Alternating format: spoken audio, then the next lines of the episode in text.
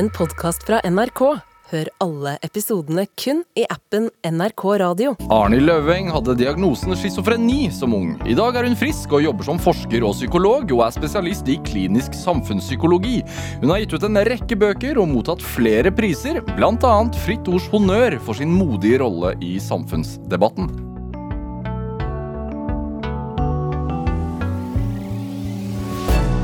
Dette er Drivkraft med Vegard Larsen i NRK P2. Arnhild Løveng, velkommen til Drivkraft. Takk. Hvordan har du det? Bra. Jeg har det generelt veldig bra. Ja. Hvordan er en klassisk eh, dag for deg? Og det er ikke så mange klassiske dager. De er ganske varierte. Jeg er heldig å jobbe litt forskjellige steder og gjør veldig mye forskjellig. Ja, en av jobbene dine er f.eks. som forsker ved Nasjonalt senter for erfaringskompetanse innen psykisk helse. Hva er det for noe? Det er jo et eh, senter som prøver å løfte stemmene til brukere og pårørende innenfor psykisk helse. Og det er en kjempejobb hvor jeg får lov til å være med på å undersøke hvordan folk har det, hva de syns om de tjenestene de får, hva de syns om at de ikke får nok tjenester. Rett og slett å løfte stemmene til de som har eh, alvorlige psykiske lidelser. Er, eh, hvorfor er det viktig? Det er jo kjempeviktig. Dette er mennesker som eh, trenger hjelp fra samfunnet. eh, For å bli friske, for å bli bedre, for å komme seg videre i livet, for å ha gode liv der de er. Og som ofte ikke får det. Og det er ofte mennesker som opplever at de ikke blir invitert hit. At de ikke så, øh, og de har mange er for syke også til å kunne delta i samfunnsdebatten selv. Og det å være med å løfte det, det er kjempeviktig. Hva er utfordringen? Um, å få folk til å høre. Uh, noen ganger å få tak i informanter, altså få folk til å For mange er så syke at det er slitsomt for dem. Ja. Andre er uh, veldig med og ønsker det. Og jeg blir stadig slått over hvor utrolig reflekterte folk er. Og hvor kloke folk er, og hvor mye viktig de har å si. Men utfordringen er for det første å få løftet det, og for det andre at selv om vi gjør det, så fører det ikke alltid til endringer. Nei. Hvorfor gjør du ikke det, tror du? Det er vanskelig å si. Um, Hvilke endringer skulle du sett blitt gjort? jeg skulle gjerne hatt et veldig mye bedre tilbud for alvorlig psykisk syke mennesker med og uten rus. Det er blitt gjort veldig mye bra innenfor psykisk helse de siste årene, men de mest alvorlig syke, de har fått dårligere tilbud. Hvor har det blitt gjort bra ting? Altså Det er gjort blitt bra ting. der med brukermedvirkning. Vi snakker mer om brukermedvirkning nå. Og så er det blitt gjort Hva, mye hva vil det si? Altså at du skal få lov til å påvirke deg selv av øh, din egen behandling, sånne ting. At vi er mer opptatt av å spørre brukerne, at vi har erfaringskonsulenter, alle disse tingene. Det er bra. Så er det bra at vi har bedre tilbud for barn og unge. Og at vi har mer forebygging og mer i kommunen. Det er bra. Ja, for psykisk helse blir jo tatt mer på alvor nå enn for bare ti år siden. Ja, og det er bra. Men for 20-30 år siden så var det bedre langtidstilbud for de veldig syke. Du hadde mer langtidsinstitusjoner. Og så hadde du nesten ikke noe tilbud til folk med kort varians og depresjon. Og så har vi bygd opp et veldig manglende tilbud der, men så bygde vi helt ned de for de alvorlig syke. Så det har blitt snudd på hodet Det har blitt snudd helt på hodet. Og jeg er ikke mot at vi har fått et bedre tilbud for de med milde, moderate problemer. Det er viktig, men det hadde vært fint hvis vi kunne ha gjort det uten å kutte så mye i tilbudet til de langtidssyke. da. Ja. Hva, hva- snakker vi? Altså sånn for, for, for jeg som ikke har egentlig Altså Når vi snakker om døgnplasser, så snakker vi om at de er gått fra rundt 12 000 på 70-80-tallet Ja. til under 3 3,5 nå. Ha.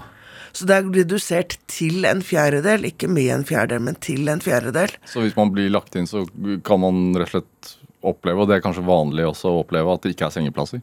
Det er ikke sengeplasser. Det er vanskelig å bli lagt inn. Og du får korttidsopphold, og folk får gjentatt korttidsbehandling. I doktorgraden min så snakket jeg med folk som hadde vært syke i 20-30-40 år. Ja, Hva handlet den om? Den handlet om forskjellige tilbud til folk som var langtidssyke. I Danmark så har de et ganske godt skoletilbud, faktisk. Hvor folk går på en sånn slags dagfolkhøyskole i mange år, og har det veldig bra. Og så så jeg på sammenlignet de med folk i Norge som fortalte at de hadde fått korttidsbehandling i 30 år. Det var sånn tre måneder inn, og så ut. Og så to måneder i poliklinisk behandling, og så var det slutt. Og så ny henvisning, og så fikk de tre måneder, og så Altså, de hadde fått korttidsbehandling repetert om igjen og om igjen i 30 år, og aldri fått tre år sammenhengende, sånn at de faktisk kunne hatt litt nytte av det. Men er ikke målet da å få, få folk ut i, i samfunnet igjen fortest mulig? Ja, er det det? Det, det vet ikke jeg, spør deg. Jeg tenker at det er om å gjøre å få folk så friske som de kan få blitt, og at de skal få så gode liv som det overhodet mulig. Og de skal selvfølgelig ikke være innlagt på døgnavdeling lenger enn nødvendig, men å ha en stødig person som kan følge deg. Altså Hvis du har høyt blodtrykk, så kan du gå på blodtrykksmedisiner resten av livet, og staten betaler det. Men hvis det du trenger for å fungere, er en fast, stødig samtalepartner, en langtidsterapi, en støttesamtale, så er det nesten umulig å få. Enn at det ikke koster så veldig mye mer enn egentlig en medisinsk behandling. Hvordan blir det satset forskjellig på fysisk og psykisk sykdom? Ja, Det er komplisert, for det, det har jo vært helseminister etter helseminister som har sagt at vi skal satse mer på psykisk sykdom. Så gjør vi det ikke, og det handler bl.a. om finansieringsordninger, og det handler om um, uh, måten helsesystemet er eh, organisert, med foretaksmodellen osv. Uh, som gjør at det ikke lønner seg for foretakene, for de er jo foretak. Det lønner seg ikke nødvendigvis for dem å satse på psykisk helse. Er det, altså, du, du er jo um, fungerende president i Psykologiforeningen. Psykologforeningen. Psy Psykologforeningen, unnskyld. Ehm, er, det, er dette her også noe dere prater om der? Å ja, vi prater mye om det. Både finansieringsordninger og også Altså, når det er så dårlig tilbud som det er nå, så går det ut for både ansatte og pasienter. Ja. Og det mest alvorlige er selvfølgelig tilbudet for pasientene, men dette henger sammen fordi at når psykologer og andre helsepersonell ikke får gjort jobben sin, ikke får gjort en god jobb på jobb, så orker de jo ikke å være der. Fordi at det er for få? Det er for få, og de har for lite tid, og de har for lite rom. Altså Vår egen medlemsundersøkelse i Psykologforeningen viste at øhm, stor andel av psykologene sier at de får ikke gitt behandling ofte nok til at det virker, og de må avslutte før den er ferdig. Tenk hvis legene bare fikk gi halve. Ikke sant? Du, du ville jo ikke etisk kunne stått i det over særlig lang tid. Nei, du får bare halvparten av den cellegiften du trenger. Kommer sikkert ikke til å virke, men det var nå det vi hadde råd til. Men hvordan kan man ha gått fra å ha, ha 10 000 sengeplasser på, for bare 20-30 år siden til 3000 nå? Hva er det som har skjedd?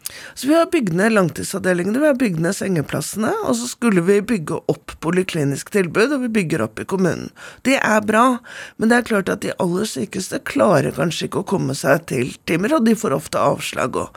I den andre jobben min, hos Erfaringskompetanse, så hører jeg stadig om folk som sier at da jeg fikk uføretrygd, så mistet jeg tilbudet om psykolog, for da var det ikke lenger kostnadseffektivt å behandle meg. Hva, Kan du tenke deg noe så rått? Dette er mennesker som har vært utsatt for alvorlige traumer, kanskje overgrep, tidlig i livet, blitt svikta på det groveste, har enorme smerter og traumer, og så sier vi nei da, du får bare sitte aleine i leiligheten din og lide uten at noen snakker med, fordi at det er ikke kostnadseffektivt for samfunnet, for du kommer nok ikke i jobb likevel. Det er så brutalt at jeg skjønner ikke at vi kan leve med det. Dette er Drivkraft med Vegard Larsen i NRK P2. Og i dag er eh, forsker, forfatter og psykolog Arne Laueng her hos meg i Drivkraft eh, på NRK P2. Du har jo øh, møtt den realiteten selv, med egen erfaring. Altså, hvordan, hva husker du selv altså fra første gang som, som 17-åring, da du ble innlagt? Øh, Jeg var forvirret, jeg var redd. Ehm, som jeg sa, det er jo ting som er blitt bedre også nå. Nå legger vi ikke inn 17-åringer på seksmannsrom sammen med voksne som har vært syke i mange år. For det var din realitet? Det var det min realitet. Eh, Etter hvert kom jeg til en ungdomsavdeling, det var ikke noe særlig bedre da. Det jeg husker, var liksom mangelen på håp. At det noe av det første de gjorde, var bare å si at du har en schizofreni, det er livsvarig, nå må du bare Du kommer aldri til å få eget bolig, du kommer aldri til å være i jobb, du kommer aldri til å få et normalt liv, eh, nå må du bare venne deg til å være syk. Og det var beskjeden du fikk? Ja, og det var jeg jo fryktelig lite interessert i som 17-åring. Klarte, klarte du å ta det imot? En sånn beskjed? Nei, altså Jeg gikk jo bare i motstand. Jeg tenkte ikke søren, dette går jeg ikke med på. Og det var jo veldig dumt, for da klarte jeg ikke å ta imot noe av hjelpen deres heller. Ikke sant? Jeg gikk jo bare i motstand med en gang. Men et seksmannsrom, hvordan, hvordan hva, Det var det andre fungerer stedet. det? Det, var, altså det fungerer med at det er et stort rom med seks senger. Ja. Og så var det Det var på det første sykehuset jeg kom. Der var egentlig legene veldig hyggelige, og, og jeg ble godt tatt imot.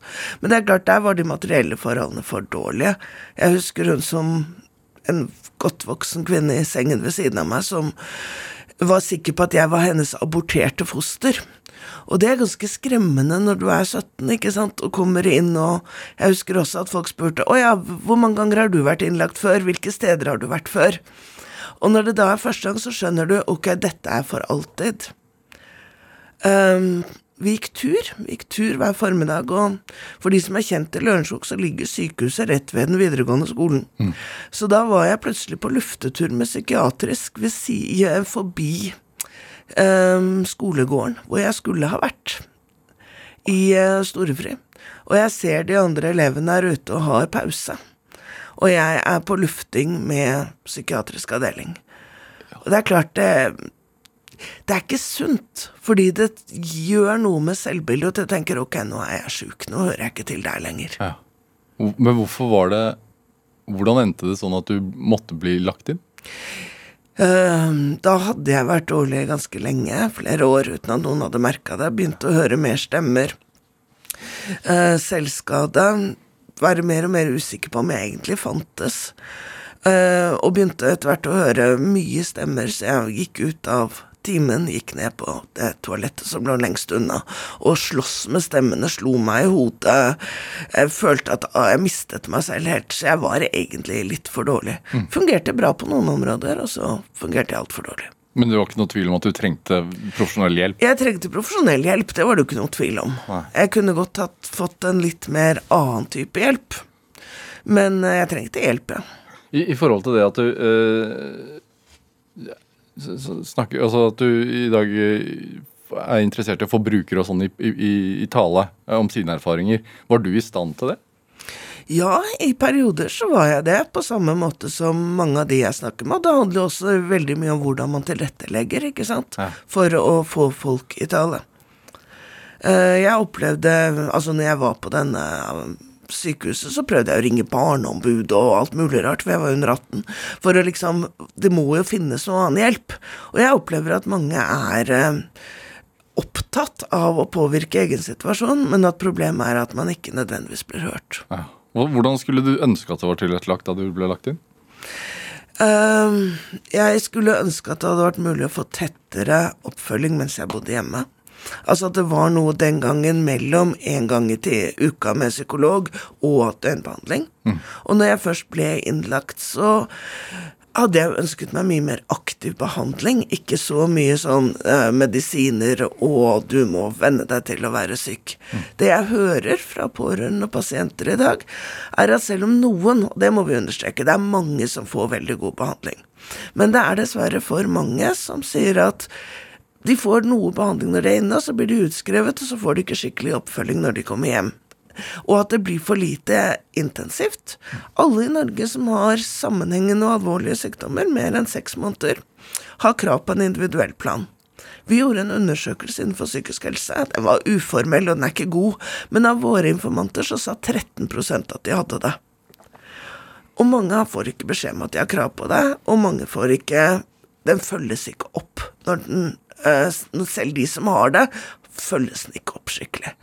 Altså det å lage en plan som sier at her er du, her skal du, og hva skal vi gjøre for å få deg fra A til B, og hva er målet ditt, og eh, altså at folk får den der tette, sammenhengende oppfølgingen, det mangler. Du fikk eh, diagnosen schizofreni. Hva er, hva er altså, Dumt spørsmål kanskje, men hva er det egentlig? Det er et veldig godt spørsmål. Jeg tror ikke det er så himla mange som kan svare på det. Nei, fordi man bruker, Det er jo et sånt ord man bruker kanskje i dagligtalen. sånn, eh, ja, nå, har var jo helt schizofren. Altså fordi at man kan vise to forskjellige personligheter. på en måte. Nei, Det har ingenting med forskjellige personligheter å gjøre. Det er en psykosesykdom. Og så må du, for å få den diagnosen, skal du på en måte ha et visst gitt antall symptomer. Som handler mye om at du er Kanskje ha en svekket selvopplevelse, så ikke helt vet hvem du selv er. Mange hører stemmer. Mange kan ha vrangforestillinger. Og når du snakker svekket selvopplevelse, altså, selvopplevelse så snakker vi Vi snakker ikke selvtillit. Nei. Vi snakker at man er usikker på om man finnes. Da jeg var syk, så kunne jeg på en måte tenke hun gikk til skolen istedenfor jeg gikk til skolen. Så kunne jeg tenke hun gikk til skolen. Hun tenkte på å dø. Hvis hun dør, dør jeg da? Hvem er det jeget som lurer på om jeg vil dø? Hvis jeg ikke er det jeget, hvem er da det jeg Altså, du skjønner, dette går ikke bra. Nå, nå, hvordan er dine minner om det nå, altså, sånn som når, når du forteller om Det det? er nå? veldig rart, Ja. fordi at jeg kan huske det. Jeg husker den der forvirringen. Det er litt som å snakke om en drøm. Hvor du, hvor du på en måte sier 'og så plutselig begynte jeg å fly'. Altså, du, du husker det, og så er det jo egentlig helt ulogisk når du skal fortelle om det etterpå. Ja. Eh, det som er rart, var at jeg husker veldig den der svekkete selvopplevelsen, at jeg var usikker på om jeg fantes. Men hørte du hva jeg sa akkurat nå? Jeg var usikker på om jeg fantes. Ja. Da må det jo være et jeg som reagerer på at jeg ikke syns jeg finnes. Så, så det er ganske ulogisk, dette her. Ja. Er det noe hva, hva, hva skyldes den øh, lidelsen, eller syk- syk- sykdommen? Det spørsmålet fikk jeg på doktorgraden min på den oppgitte emnet, og jeg syns det var ganske dårlig gjort, for det er ingen som egentlig vet. Nei. Det er en viss genetisk komponent, og vi vet at hvis du har mange i nær slektning eh, som har schizofreni, så øker sannsynligheten. Med ganske stor prosent? Ja, samtidig så de fleste som har schizofreni, har ingen genetisk komponent som vi kjenner til.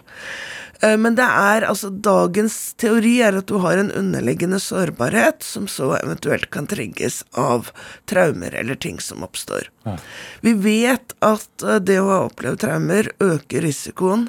Noen sier med over 500 hvis du har flere opplevde traumer i barndommen, utviklingstraumer. Eh, Mens andre mm, har ikke opplevd traumer i det hele tatt, og så får de det likevel. Ja. Din Sannsynligvis. Min, min beste gjetting er at dette ikke er én diagnose.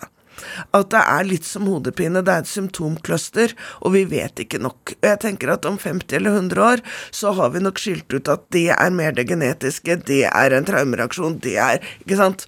Det er litt som å, å Ja, jeg har hodepine, å ja, nei, da dør du. Nei, det gjør jeg jo ikke. Ikke sant? Altså, det, hodepine kan skyldes alt fra hjernesvulst, at du har drukket for lite vann, til at du har influensa. Ja. Og jeg tenker at det vi da kaller schizofreni, sannsynligvis er ulike tilstander. Så det har blitt Men- en sånn paraplybetegnelse egentlig for veldig mye. Litt, egentlig. Og det er det ganske mange forskere som, eh, som tenker nå at det er litt for vidt Ja. Hva, hva Men det vil vel også føre til at behandlingen øh, spriker, da? Ja, og det er jo det vi kanskje ikke er gode nok til alltid, da, å gi veldig individuelt tilpasset behandling. For hvis man gjør det, så tror jeg altså noen har god nytte av medisiner, noen har det ikke. Noen har nytte av de akuttfaser, noen ikke. Sånn at det å bli flinkere på å tilpasse behandlingen Noen har nytte av samtaler, noen har veldig lite nytte av samtaler.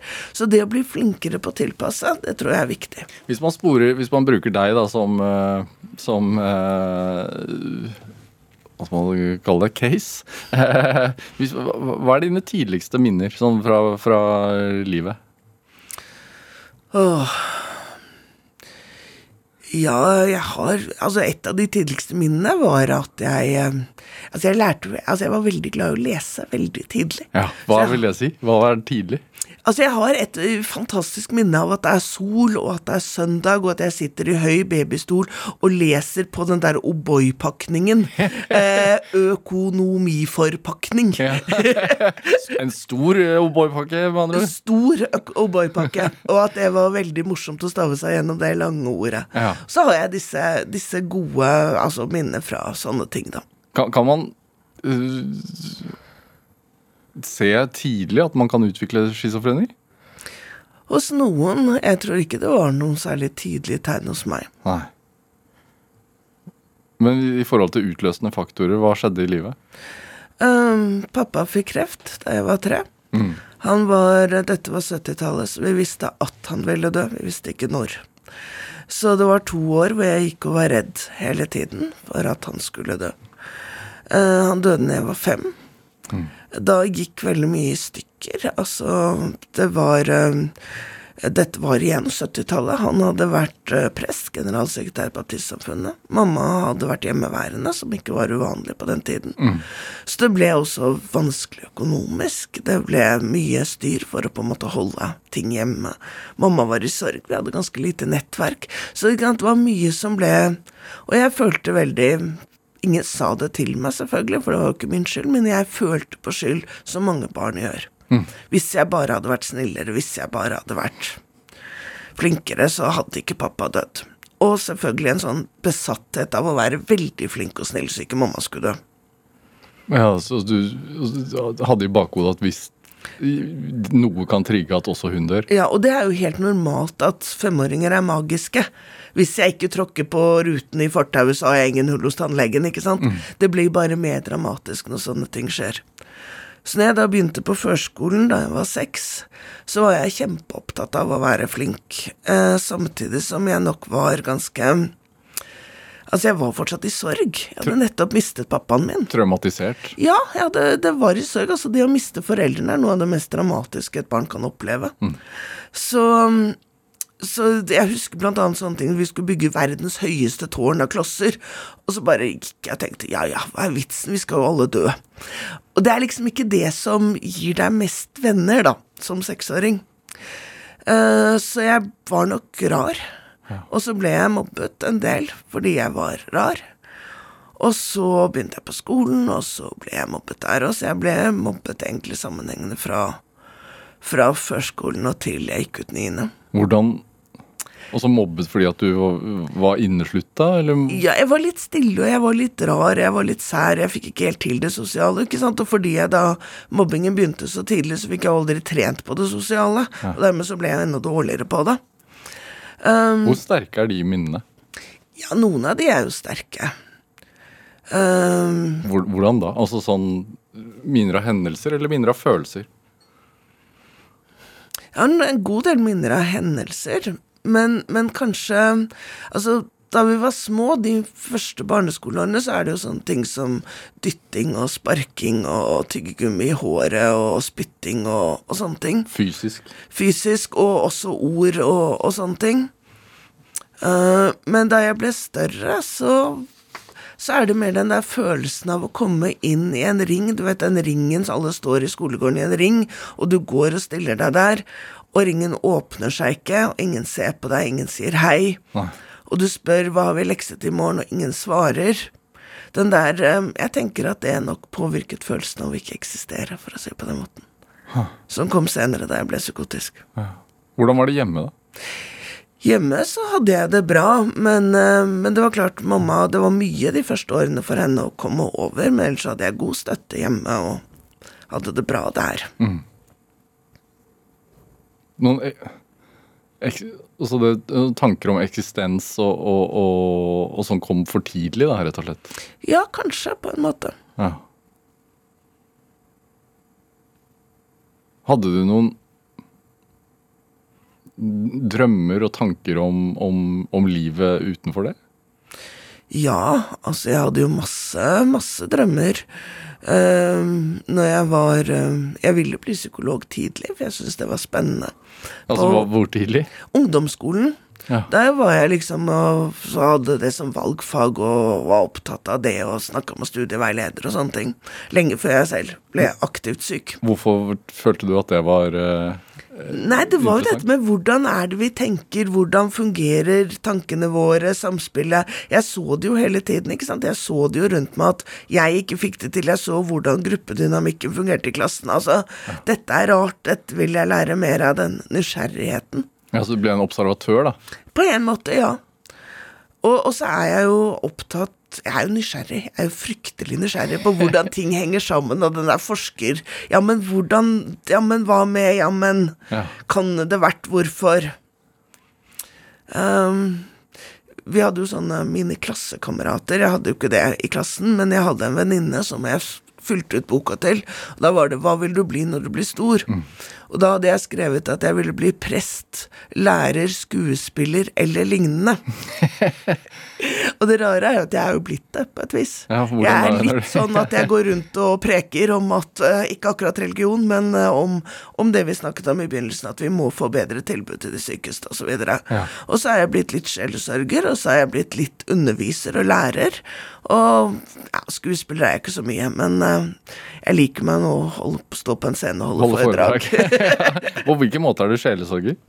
Nei, altså, jeg tenker at um, god terapi handler jo om å, å møte mennesker. Å være der og høre etter. Altså, ikke sjele sørge med sjelehelbreder. Altså syke. Sjelen. Gå inn og se hva, hvor ble du skadet, hva trenger du, hvordan kan vi helbrede dette? Fikk du noe hjelp som barn? Ikke som barn, nei. Nei. Burde du ha fått det? Ja. Jeg burde, jeg burde ha fått eh, Altså, de som var i barnehagen og på barneskolen, burde fått veiledning. Så de kunne hjulpet meg sosialt inn i leken, inne i barnegruppene. Eh, det er mulig jeg burde hatt noen å snakke med, men jeg burde først og fremst ha at de voksne rundt meg i hverdagen var trygge på å både takle sorgen min, men også få meg inn i lek. Hvor viktig er det, tenker du, å, å ta tak i, i ting tidlig? Kjempeviktig. Det er kjempeviktig å ta tak i problemer tidlig.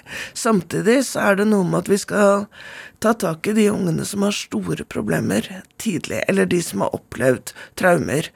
Det er jo helt forferdelig når de sier at de tar inn barn på barnehusene som forteller om at de har opplevd alvorlige lovbrudd, og så får de ikke hjelp når de kommer ut. Det, det er som å ta inn en unge etter en trafikkulykke og så bare på en måte si at ja, nei, nå har du brukket alle bena i kroppen, og så sender vi deg ut, og så håper vi det går bra på skolen.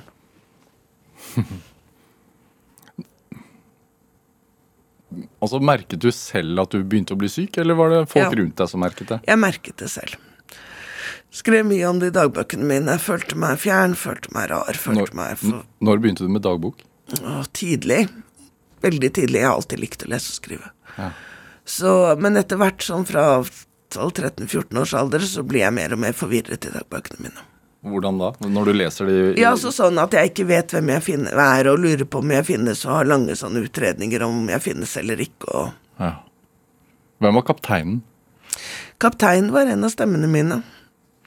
Som uh, sa Altså, han var veldig sånn tydelig, og han skulle aldri gå fra meg. Jeg måtte bare følge alle reglene hans, hvis ikke så slo han meg med pinner. Det var jo jeg som slo, da. Eh, han var jo bare inni hodet mitt. Jeg tenker at han på en måte gjorde det enkelt. Det var så enkle regler. Gjør sånn og sånn. Ingen går fra deg. Alt er Altså, han ble på en måte trygg, og på en annen måte ganske diktatorisk. Hvorfor er det, er det helt tilfeldig hva slags sånn, sånne stemmer som oppstår? Nei, jeg tror ikke det. Det har vi veldig lite forskning på. Men jeg tenker at det må jo følge personligheten på et eller annet vis. Ja. Så når jeg var innlagt på den ungdomsavdelingen, så var det en god del gutter i tenårene der, og der var det mye overvåkningskameraer og, og romvesener og sånn litt James Bond og sci-fi, mens jeg hadde alle dyrene mine løpende rundt. Eh, rotter under sengen og slanger bak gardinene og ulver og bak i spisestuen. Så jeg tenker at jeg vet mye mer om dyr enn om romvesener. Så jeg tenker at det skapes jo i våre hjerner. Det er jo hjernen min som skaper psykosen, og da må den jo skape den av noe den kan noe om, vet noe om, Um, Ofte, er opptatt av. Ja, og ofte litt uh, nifseting, da. Og ting som vil deg ille. Ikke alltid. Jeg hadde det, men det er mange som også har gode, gode opplevelser. Det er jo Altså, det, det er jo uhyre interessant å prate med deg om dette, fordi at det er På en side så kan man tenke at det er et barn med en svært velutviklet fantasi, eh, og så klarer man ikke helt å eh, skille hva som er fantasi og virkelighet. Jeg tenker at det at barn har fantasivenner er bare hyggelig og bare fint. Ja. Uh, og det er ikke farlig, og det er ikke noe tegn på at du kommer til å bli psykotisk eller noe som helst. Det er helt normalt. Men det som er farlig, tenker jeg, er um, Altså, det er ikke i seg selv psykosesymptomene som er farlige. De er, tenker jeg ofte på som mestringsstrategier. Det som er farlig, er hvis verden der ute ikke tar vare på deg. Hvis den verden du lever i, er for brutal, og du ikke får den hjelpen du trenger, så må du lage mestringsstrategier. Og hvis du klarer å, ta vare på barn, unge, voksne, eldre, sånn at de fungerer, sånn at det er, så trenger man ikke den type ekstreme mestringsstrategier. Så er det noen som blir syke uten at de har opplevd noe vondt i det hele tatt. Som jeg sa, dette er for komplisert, altså. Det er um, vanskelig. Mm. Forskes det for lite på det? Det forskes uh, ganske mye, men det er klart at uh, det burde kanskje vært forsket bredere. Arne Løvanger, vi skal spille litt musikk. Ja. Um, du har med en låt av Sigvart Dagsland som heter De umulige. Hvorfor det? Nei, Fordi at jeg har jo vært en av de umulige lenge, og vi er veldig gode på å fortelle folk hvor håpløse de er, og hvor umulige de er. Og ja, du sa at jeg hadde fått noen priser. I en begrunnelse så står det at uh, jeg fikk prisen for min vedvarende evne til å være forstyrrende. Det står det i alle journalene mine nå, uten at noen ville gi meg noen pris for det. Så jeg tror vi skal være litt flinkere til å høre på de umulige, og se om det kanskje er uh, bra i at noen er litt forstyrrende av og til.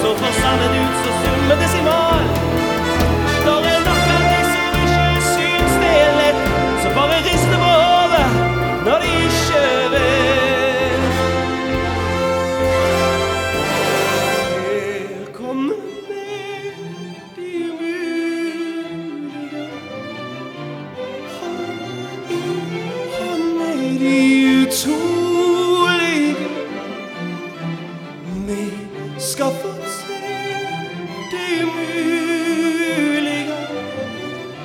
Og det må det utrolige. Ikke si hva vi skal. Ikke si hva vi må.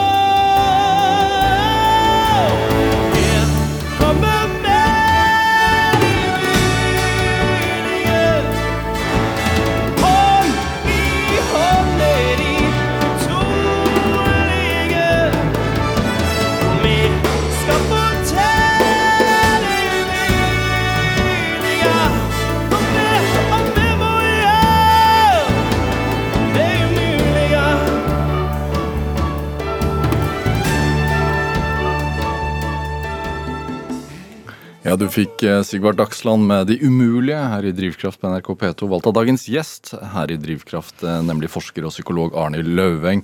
Eh, vi snakket jo om før, før vi spilte musikken her, at, eh, at du fikk diagnosen schizofreni. Eh, og jeg veit jo at du ble fortalt at med den diagnosen så var det viktig å innstille seg på at du kom til å være syk resten av livet.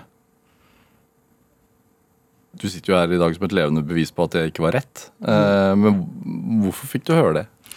Det er jo ikke godt for meg å si, men det er jo, var jo en del misforståelser. Vi vet at um, I dag vet vi at mange med schizofreni blir helt friske. Eh, en del uh, kan leve godt med symptomene sine hvis de får en del hjelp og oppfølging.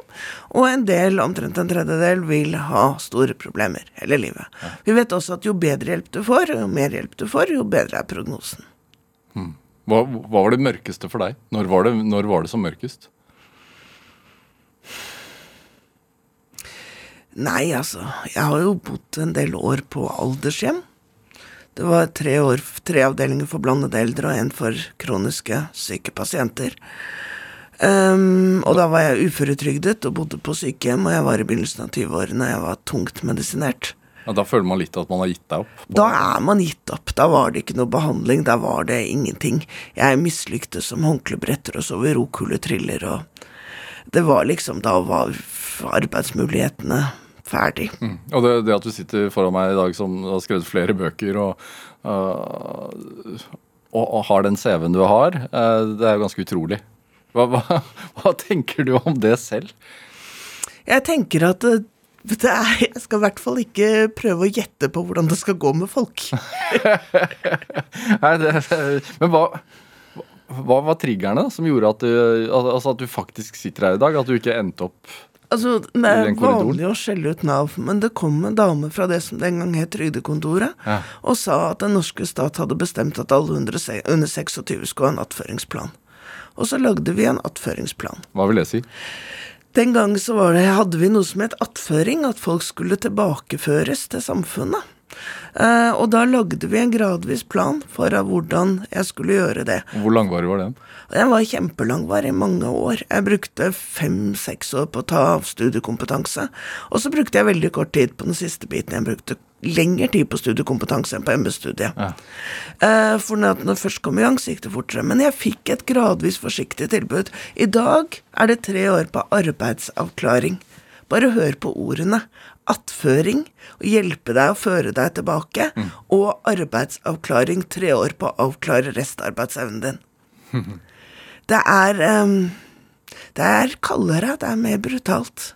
Jeg vet ikke om jeg hadde klart det i dag, og det bekymrer meg mye. Men i, i forhold til det, det Den jenta du for, for, forteller meg om som, som er, ligger på eldrehjemmet og er tungt medisinert, til, til at Altså Er det Det høres nesten ut som om det bare var en bryter. Nei, det er ikke noe bryter. Det hadde vært så deilig ikke sant? hvis det hadde vært sånn Da var det en katarsis-opplevelse, og så så jeg lyset. Det hadde vært så gøy om jeg kunne si det, liksom. Ja. Og det eneste jeg har å si, er det enormt kjedelige veldig mange hverdager hvor du tar bitte, bitte, bitte små skritt. Ja. Hvor du lar være å skade deg når jeg hadde lyst til å skade meg, når jeg står opp når jeg ikke har lyst til å stå opp. Eh, går i terapi, får hjelp, trener på ting. eh, snubler, faller, faller tilbake, reiser meg igjen, kravler opp igjen. Prøver å gå på videregående skole for å få tatt opp kveldstid, tatt opp fag, ett fag etter et annet fag. Så bare uendelig mange kjedelige hverdager med fryktelig kjedelig jobbing. ja. Hva i deg var det som gjorde at du gjorde det? Jeg er ganske sta. Og så var det vel den der, siden vi er på drivkraft, da, den derre drivkraften om at dette kan ikke være sånn, dette må kunne gå an, de skal ikke få rett.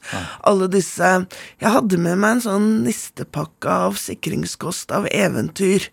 Og, og legender, ikke sant, disse froskene som datt i vannbøtta, og den ene som sparker og sparker, og, og alle disse eventyrene og maskeladdene, altså alt det der med det går an, det umulige er mulig, og dette skal jeg få til. Ja. Men hva er det som en Når du sier at eh, jeg måtte si til meg selv at jeg ikke skulle skade meg, er, hva, er det da som en altså, øh, Kanskje en dum sammenligning, men som en alkoholiker som har sagt til seg selv 'ikke en drink i dag', liksom? Kanskje på en måte, ja, men det er klart det var veldig skremmende. Jeg hadde sterke strømmer som brølte at de ville drepe meg hvis jeg kuttet meg, og det der, eller drepe noen andre, eller tenne på en skogbrann, og det der å på en måte tenke ok, gjør det da. Ikke sant? Det er kjempeskremmende, men det kommer på et eller annet punkt hvor jeg tenker nå må jeg bare Og jeg fikk god hjelp, jeg fikk god støtte. Det er kjempeviktig, jeg hadde jo ikke klart det alene. Så det er en sånn blanding av at du må ha en, en vilje, men du må også få den nødvendige støtten. Og jeg vil ikke at dette skal bli noe sånn der 'jeg var så flink, jeg klarte det'. Jeg vet at det var mye flaks, det kunne ha gått kjempegærent mange ganger. Er det derfor også du brenner så sterkt for langvarig støtte i dag? Ja, jeg brenner for at folk skal få en sjanse, at de skal få hjelp. At de som skal, kan bli friske, skal bli friske. Vi har ikke råd i dagens samfunn til å kaste bort så mye mennesker som vi gjør. Eh, og så brenner jeg for at de som ikke kommer til å bli friske Alle skal ikke ta doktorgrad, for å si på den måten. Eh, de skal få Altså, det spiller ingen rolle om du er nyttig eller ikke. Du har rett på lindrende hjelp. Når kom vi dit at vi ikke skulle gi lindrende hjelp hvis du ikke skulle bli frisk? Det er for meg helt eh, Det er for kaldt. Når stilnet stemmene, da? Gradvis. og så blir jeg etter hvert mindre og mindre Altså, jeg ble etter hvert mer og mer sikker på at de var meg. At det bare var meg. Hvor vesentlig er en sånn eh, innstilling eller sånn erfaring at man innser det? For meg var det vesentlig, for andre er det ikke vesentlig i det hele tatt. Men igjen så tenker jeg det var viktig at stemmene var en mestringsstrategi, og de kunne ikke forsvinne før jeg ikke trengte dem. Så livet måtte bli såpass bra at jeg ikke trengte dem før jeg kunne slippe dem. Hva tenker du om, om fagfolk i dag som mener at det ikke er mulig å bli frisk av schizofreni? Jeg vet ikke om det er så veldig mange fagfolk i dag som mener det. Vi har ganske mye forskning på at noen blir friske. Ja. Eh, Men det er klart at eh, alle blir det ikke, og vi må ikke vippe i den ene grøfta heller. ikke sant? Vi må ta vare på både de som kan bli friske, og de som ikke kan bli friske, og de som blir bedre. Det å komme eh, Vende tilbake til samfunnet.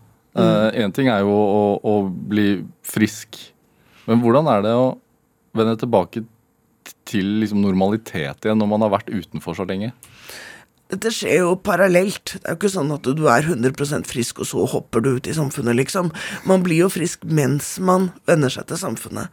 Og jeg tenker jo nettopp derfor er det så viktig at samfunnet tar imot deg. For ellers så kan du ikke bli frisk. Du blir ikke frisk helt alene på en øde øy av deg selv. Så jeg tenker at det at én ting er det du sa nettopp. ikke sant? En person som er helt frisk og kommer tilbake. Det er ikke sånn det skjer.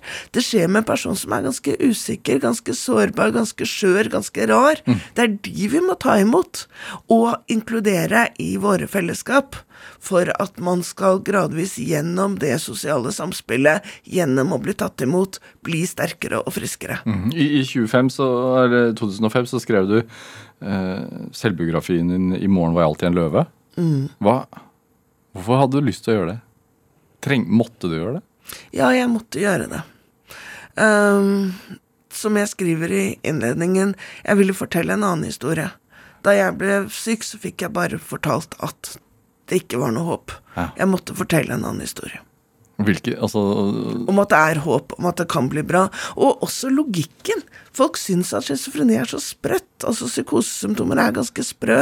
Og det å si at ja, men det kan være en logikk der bak, vær litt nysgjerrig. Det er bare menneskelige følelser. Dette kjenner vi oss igjen i. Ja. var det Det må ha vært skummelt å skrive den?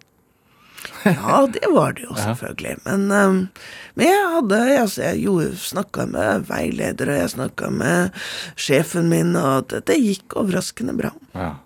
Du beskrev jo en, en sånn øh, ungdomstid og sånn hvor du ikke hadde så mange venner. Hvordan, er det, hvordan har det vært etter, etterpå? Altså, det, tar, det er vanskelig å bygge opp et nettverk når du har vært borte så lenge. Eh, tenk på hva du gjorde mellom 16 og 26. Du gjorde ganske mye, går jeg ut fra, mellom 16 og 26. Ja, og veldig mange av de menneskene i den tiden er fremdeles veldig viktige. Ja, ikke sant. Og hvis du da er innlagt i alle de årene, og så brukte jeg de neste årene på å prøve å gjøre Altså ta utdanning, få meg bolig, ta sertifikat, alle disse praktiske tingene. Så at det å bygge nettverk, det er vanskelig når du kommer inn såpass seint. Men det å nettopp studere psykologi da, og også ta en doktorgrad i det, hva lærte du om deg selv når du gjorde det? Jeg lærte noe om meg selv. Jeg lærte men, men jeg lærte kanskje mer om andre. Altså, jeg hadde lært en god del om meg selv gjennom terapi osv.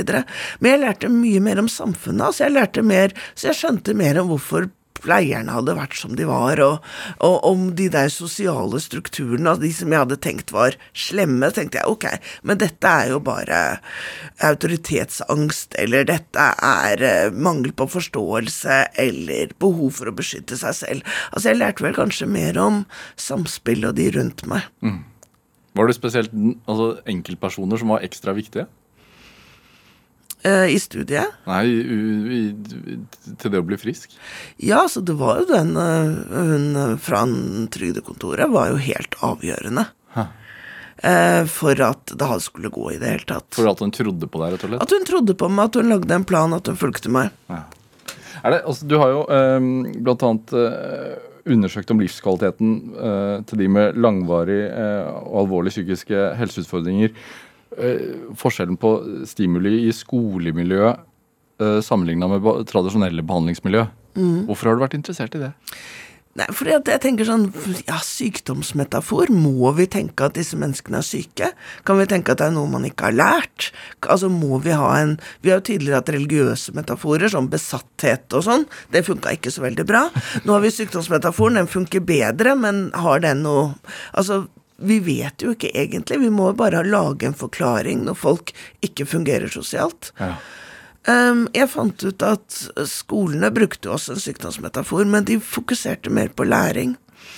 Uh, det var en dagfolkehøyskolemodell, og den ser ut som det fungerer veldig bra. Hva er det? Hva, hva, hva vil det si? Altså, Det er en folkehøyskole, så du har ikke noe eksamen. Men de, og de, ikke, de lærer ikke De lærer dansk, matematikk, engelsk, zumba, matlaging, musikk, forming, folkehøyskolefag. Og så er det relasjoner, og så er det på dagtid. Du sover hjemme, og så kan du gå der i mange år. Og så har de det bra sammen og fokuserer på relasjoner.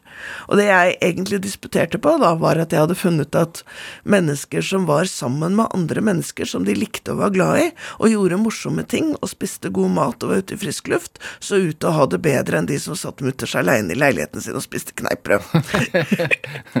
og jeg lurte veldig på om det gikk an å få doktorgrad på det, men det fikk jeg.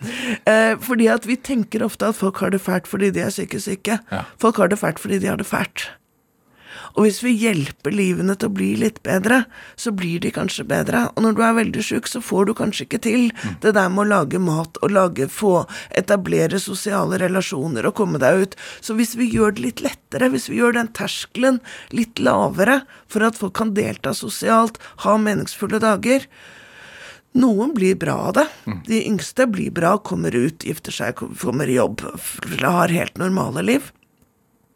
Og jeg får så mange beskjeder om det nå. Jeg får så mange mailer fra folk som sier at 'jeg hadde diagnose, nå studerer jeg, nå er jeg i jobb, nå er jeg gift, nå er jeg tre barn'. Altså, det er så vanlig. Hvorfor får du det?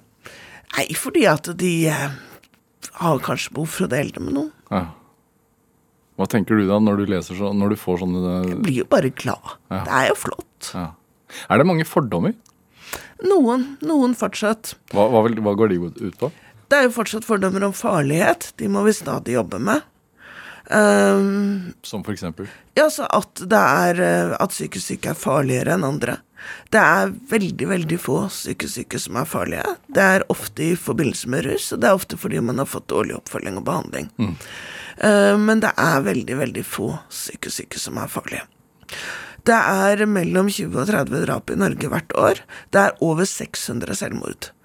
Det er mye større sannsynlighet for at du blir drept av deg selv, enn at du blir drept av en fremmed. De aller fleste psykisk syke dreper seg selv. Det er et mye større problem, egentlig. Kan man unngå det, tror du? Ja, jeg tror ja, Du kan kanskje ikke unngå det 100% ikke noe nullvisjon, men jeg tror du kan få den mye mer ned ved å tilby folk nok hjelp. Eh, og ikke minst jobbe med livskvalitet, med håp, med mestring, med gode dager. Når du har hatt den diagnosen du har hatt, blir det hengende ved? Ja, det gjør det. Du får ikke sletta diagnoser i Norge i dag. Det er et problem at det ikke går an å få friskmelding. Det er et systemproblem. Uh, men uh, Hvordan blir det hengende ved? Så det er vanskeligere å få forsikring. Det vil alltid stå i journalen din. Uansett hva jeg er lagt inn for, så vil det stå i journalen min.